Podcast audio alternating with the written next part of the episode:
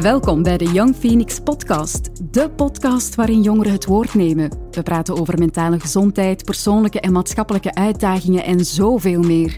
Eigenlijk gewoon alles waar onze gasten het over willen hebben. Veel luisterplezier. Dag iedereen. Uh, vandaag gaan we het hebben over donkere gedachten en de impact hiervan op het leven van jongeren. Ik ben Sabrine, de host van vandaag, vrijwilliger en coach bij Young Phoenix. Ik heb hier vandaag bij mij Wout. Dag Wout. Hallo, alles gaat... goed? Ça va? Hoe gaat het met jou? Zeker, zeker. Alles goed. Vertel eens iets over jezelf. Goed, dus ik ben, uh, ik ben uh, Wout Vaas. Ik kom uit Sint-Truiden. Ik ben een uh, eerstejaarsstudent orthopedagogie mm -hmm. op KDG. Ik kom uit een gezin van vijf mensen. Ik heb nog een adoptiebroer uit Kazachstan, een jongere broer. En dan nog een oudere zus van 22. Oh, oké, leuk. En hoe ja. is het om een adoptiebroer te hebben? Um, dat was een aanpassing, maar achteraf was dat een hele beleving wat dat, ja, wat dat zeker waard was geweest. Ah, dat is kei leuk ja. om te horen. En Wout, waar heb jij jongere jaren op school gezeten? Um, ik heb, om eerlijk te zijn, op uh, vier middelbare scholen gezeten. Mm -hmm. Het is uh, niet dat ik van alles heb mispeuterd of zo, dat niet. Maar ik ben uh, een paar keer van richting veranderd, waardoor ik dan steeds van school ben veranderd. En ook, um, ik heb twee jaar in Suriname gewoond, wat er ook heeft voor gezorgd dat ik van school ben veranderd. Dus het was vrij, um, ja, gevarieerd. Maar ik heb er wel veel uit geleerd. Ja? Dus het had ook wel zeker zijn voordelen. Ah. En um, hoe heb je eigenlijk dan al die jaren een beetje uh, ervaren? Want ik kan wel geloven dat het niet altijd gemakkelijk was om zo nieuwe um, mensen te leren kennen. Nee, dat klopt. Op zich, um, steeds nieuwe vrienden maken is op zich niet zozeer een probleem. Maar wat je dan ja, in het buitenland natuurlijk ook merkt, is dat je met een bepaald cultuurverschil zit. En uiteindelijk, als je elkaar beter leert kennen, dan komt dat ook wel uh, in orde. Alleen bij dan terug in het vijfde middelbaar terug naar België te komen, kom je in een groep terecht bij mensen die elkaar al lang kennen. Dus dat maakt het dan wel moeilijk om daar terug als nieuweling uh, in te komen. Maar uiteindelijk is dat ook wel goed gekomen. Ah ja, hmm. oké. Okay. Um, zoals we aan het begin hadden gezegd, gingen we het vandaag hebben ook over donkere gedachten en de impact daarvan. Um, wat heeft dat eigenlijk voor u betekend? Ja, um, ik heb mij altijd vrij onzeker gevoeld, tot een vrij extreme mate, dat ik ook niet buiten kwam en ja, geen uh, sociale contacten maakte. Um, en dat was eigenlijk puur omwille van een onzekerheid over mijn uiterlijk. Ik dacht ook continu na van, uh, wat denken andere mensen over mij? Uh, ben ik goed genoeg? Ben ik, ben ik het waard? En uh, ja, dat, dat, heeft zich echt al redelijk vroeg zitten mm -hmm. afspelen rond eerste middelbaar. En uh, ik ben daar op een zekere mate mee omgegaan door redelijk obsessief te gaan beginnen fitnessen. Mm -hmm. en, op, en door heel extreem op mijn voeding te gaan letten. Wat er eigenlijk voor heeft gezorgd dat uh, tijdens de corona ook mm -hmm. ik niet meer kon fitnessen. En ik, het enige wat ik eigenlijk nog had, is dat obsessief bezig zijn met voeding, heeft eigenlijk mm -hmm. geleid tot een eetstoornis, waardoor um, ik heel veel begon te eten en dan weer heel weinig. Hè? Dus dat noemt binge eating uh, disorder. Mm -hmm. En um, ja, waardoor ik dus grote porties at, waardoor ik dan maaltijden oversloeg om dat te compenseren op een gegeven moment begon ik dan ook weer obsessief te gaan lopen. Want ja, fitnessen kon dat niet tijdens de cardio. Mm -hmm. Wat dat, ja, ook weer niet gezond was natuurlijk. En uh, ja, bij momenten ook overgeven. Ah ja. En um, op zich, ja, op een gegeven moment ben ik daar dan mee um, naar mijn mama gestapt. Omdat ik wist van, ja, uitgezegd, zij kan me daarin helpen. Zij kan mij aan professionele hulp uh, helpen. En uiteindelijk heeft dat dan wel gedaan. En um, die hulp heb je, heb je dan ook eigenlijk zelf gevraagd? Ja, ja. Oh, sterk. Dus ja, dat is natuurlijk zo wel een beetje een van mijn kwaliteiten, als ik dat toch wel kan zeggen, is dat ik redelijk open ben over dingen. Daarom zit ik hier ook in de podcast natuurlijk. En dat heeft er ook wel tot geleid dat ik uh, bereid was om hulp te gaan zoeken. En dat is iets wat zeer belangrijk is. Want had ik op dat moment niet naar mijn mama gestapt voor professionele hulp, ja, dan zat ik daar nu nog altijd bij. Ja. Dus dat is zeker iets... want op zich, mijn ouders waren daar achteraf ook wel dankbaar voor. Van, ja, als, je, als je zoon dan niet zegt en die gaat in het geniep beginnen gaan eten, want dat is het ook vaak. Ik, ik had dan eh, vaak die grote hoeveelheden wanneer dat er niemand was, omdat ik beschaamd was. En het feit dat ik daar dan toch open heb kunnen over zijn, is dat wel opgelost geraakt. Dus, En ehm, wat heeft eigenlijk jou die stap doen zetten om naar uw ouders toe te stappen? Ja, dat was op een gegeven moment... In het begin had ik dat binge-eating nog niet echt zo door. dat, dat begon zich zo wel af te spelen door meer te gaan beginnen eten en dan weer iets minder. Maar ik had het zo nog niet zo door. En op een gegeven moment had ik echt zo wel iets van...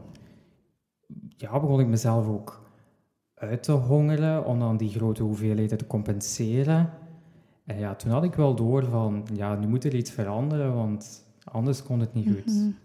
En ehm, als ik het goed begrijp, dan zegt je ook wel van oké, gaat dat misschien niet door? Ehm, je merkte wel op een bepaald moment van oké, oei, ik heb echt wel nu last toch wel van een mogelijke eetstoornis. Ja. Ehm, welke gedachte had je daar dan bij? Of wat speelde dan eigenlijk af in je hoofd? Ehm goh, dat is moeilijk om te zeggen.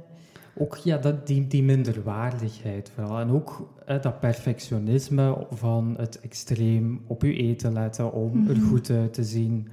Want stel nu, stel nu dat ik eh, naar de frituur ging en de friet gaan eten, dan voelde ik mij daar achteraf schuldig over, wat eigenlijk achteraf niet, niet zou mogen. Want ja, ene keer een friet eten, daar gaat je niet dood van. Maar voor mij was dat ingrijpend. Ja. Dus ja, door dat obsessief bezig te zijn, kwam ik eigenlijk ja, tot minderwaar, minderwaardige gedachten. Ja, dat ik niet, niet genoeg was vanuit dat perfectionisme. Dus dat waren wel redelijk wat factoren daarbij spelen, redelijk wat gedachten. Ja.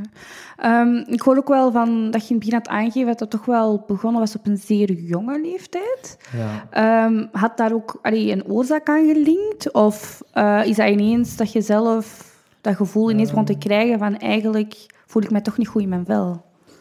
Ja, dat is inderdaad al vrij vroeg gekomen. Ik zei eerste middelbaar inderdaad. Nu, daar is nooit echt een oorzaak voor geweest. Ik ben ook nooit echt gepest geweest. Dus daarom was het voor mij ook moeilijk om dat te achterhalen. Want misschien moest er echt zo'n specifieke oorzaak eh, voor geweest zijn. Dan pakte dat specifiek probleem aan, maar dat was er eigenlijk niet. Dus dat is naarmate gegroeid en gegroeid en gegroeid. Ja, dat dat dan kwam tot dat extreem fitness en extreem eten.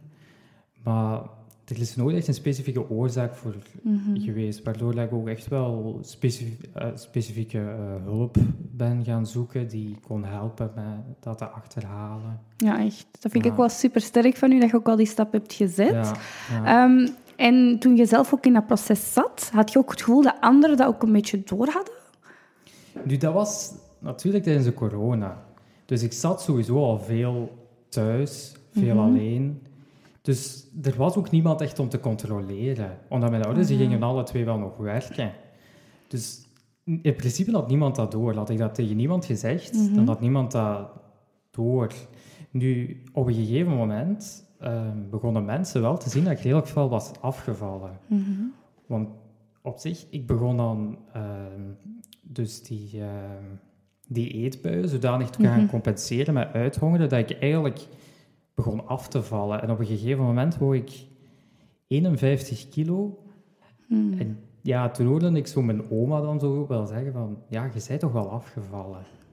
En ja, toen, op dat moment is er natuurlijk ook zo wel iets bij mij ingekomen van, ja, dat, dat klopt wel. Dus misschien zit er toch iets fout.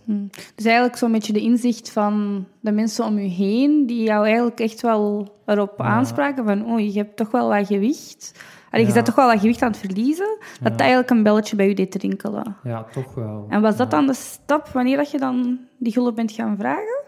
Ehm, meten. Ik denk ook wel omdat ik sowieso wel altijd allee, gegeven heb op mijn gezondheid, obsessief of niet. Ik was er wel mee bezig. En op, ja, op een gegeven moment dat ik dan zo, zodanig begon af te vallen, ik gaf ook te veel om mijn gezondheid om dat zomaar te laten gebeuren. Mhm. Dus vandaar ook de hulp, vandaar ehm, ja, naar mijn ouders gestapt. Ja, chapeau. Um, en wat betekent het eigenlijk nu voor jou om eigenlijk nu al verder in het proces te zijn? Um, achteraf heb ik zoiets van, het had moeten gebeuren om die onzekerheid weg te krijgen.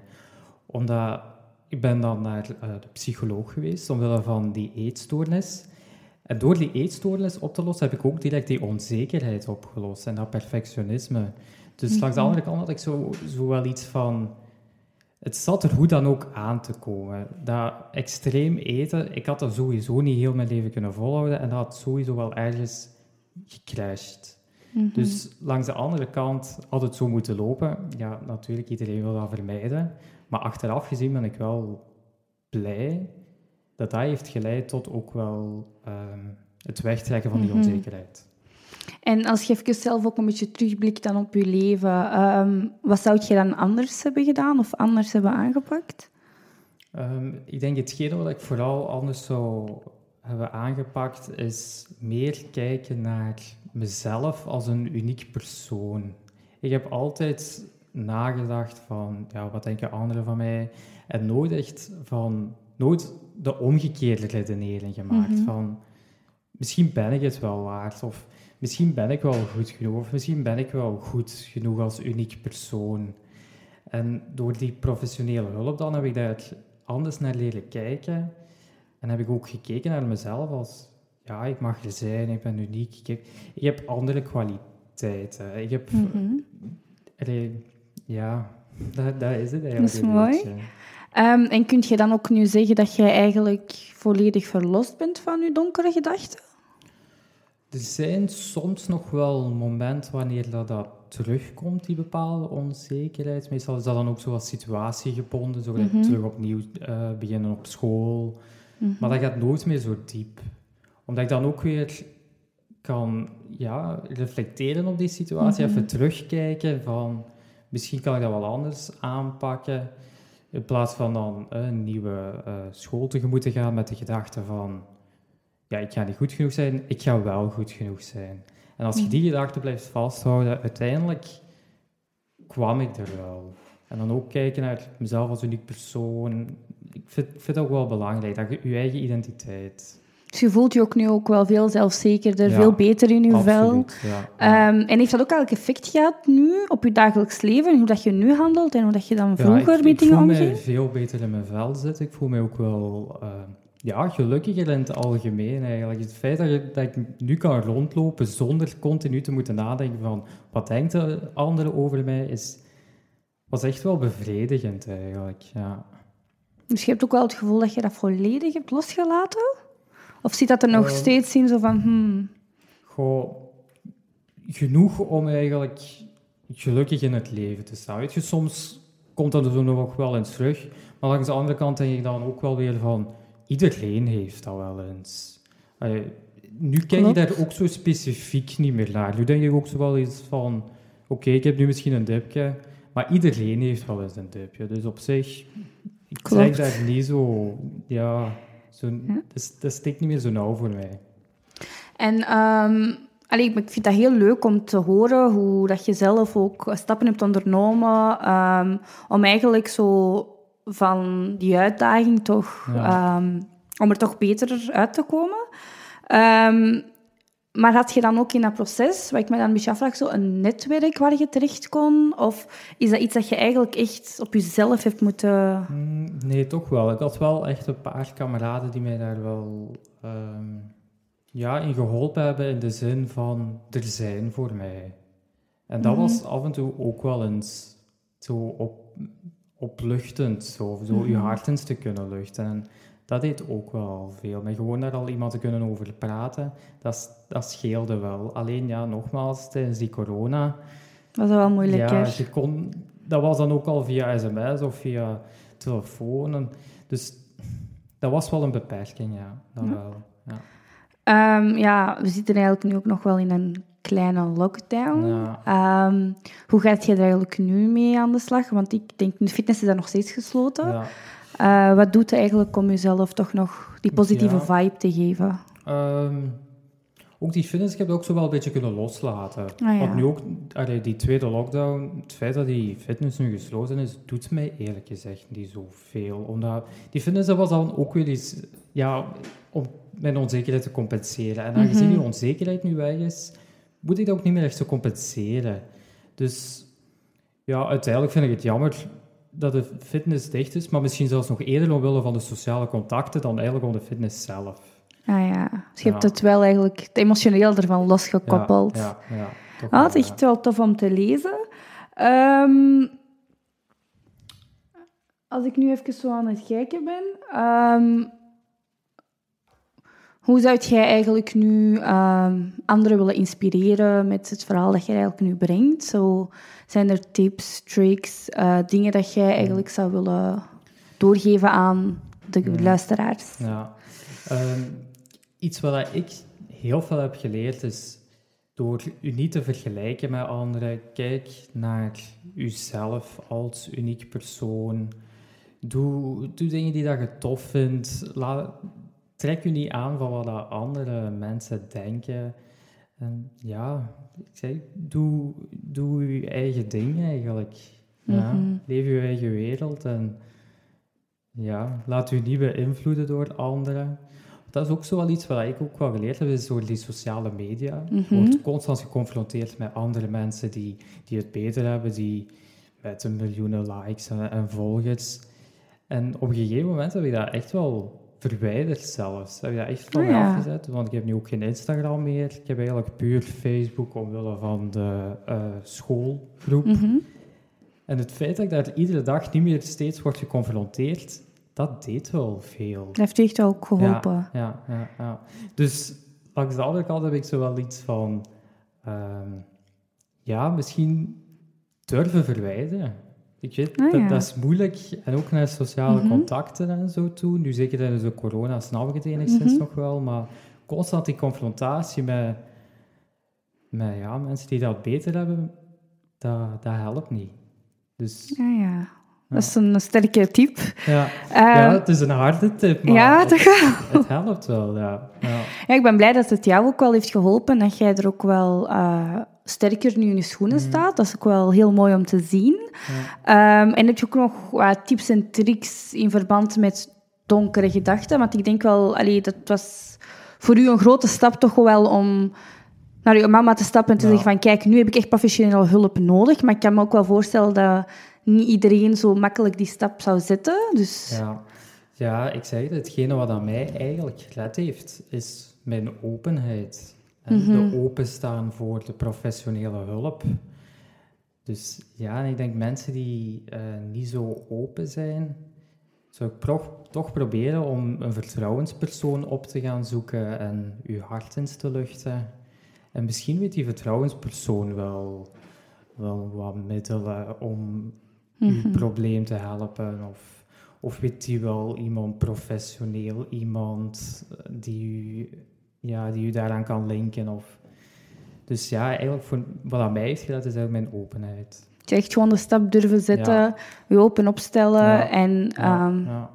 Ook ja, openstaan voor de hulp die daar aangeboden wordt. Want er is wel degelijk hulp. Er zijn organisaties, Mhm. er zijn ehm, professionele mensen, psychologen die, die bereid zijn om u, u te willen helpen. En het is een kwestie van er open voor te staan. En hoe heb je eigenlijk je weg naar die hulpverlening dan gevonden? Want ik, het is gemakkelijk, allee, het is gemakkelijk, maar mijn mama, het allee, niet gemakkelijk, maar toch wel om die stap te gaan zetten van ik heb hulp nodig, maar zo echt een psycholoog Ja. vinden. Ehm, mijn papa heeft ook al eens eerder bij een eh, psycholoog gezeten. Mhm. Dat was dan eerder gewoon werk eh, gerelateerd. Mhm. En dat was, hij was er heel content van. Ah, ja. Dat is iemand die doet cognitieve gedragstherapie. En ik wist ook wel dat hij mijn probleem ook wel kon oplossen. Of ja, hulp, bied- hulp bieden. Dus op zich kwam ik daar op dat vlak wel redelijk gemakkelijk aan. Omdat Mhm. we ja, er was al iemand in de familie die... eh, En wat als je dan, dat, dat, wat als dat er niet was? Ehm, ik denk, want mijn papa is op die psycholoog gekomen via de huisdokter. Ah ja. Zo doorgestuurd geweest. Dus ik denk, Had mijn papa niet doorgestuurd geweest, dan was ik wel eens naar de huisdokter geweest en dan had hij mij ook wel doorgestuurd naar iemand.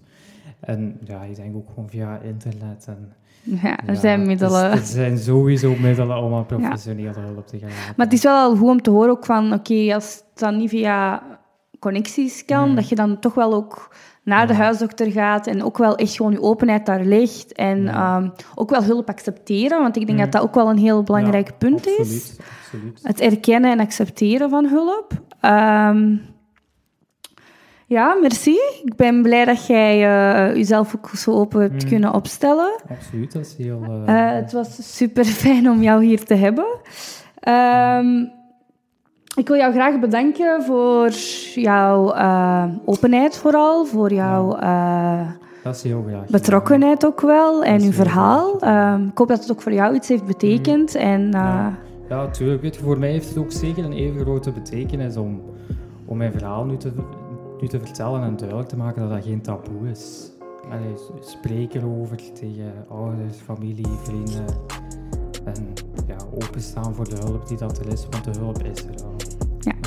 Hartelijk bedankt voor eh, dit verhaal en eh, voor alle luisteraars. Ja. Praten helpt. Ja, dankjewel om mij hier te hebben. Graag gedaan. Ziezo, het zit er weer op. Wil je iets kwijt over deze aflevering of heb je zelf een onderwerp waarover je wil komen vertellen? Laat het ons weten via onze sociale mediakanalen of via een berichtje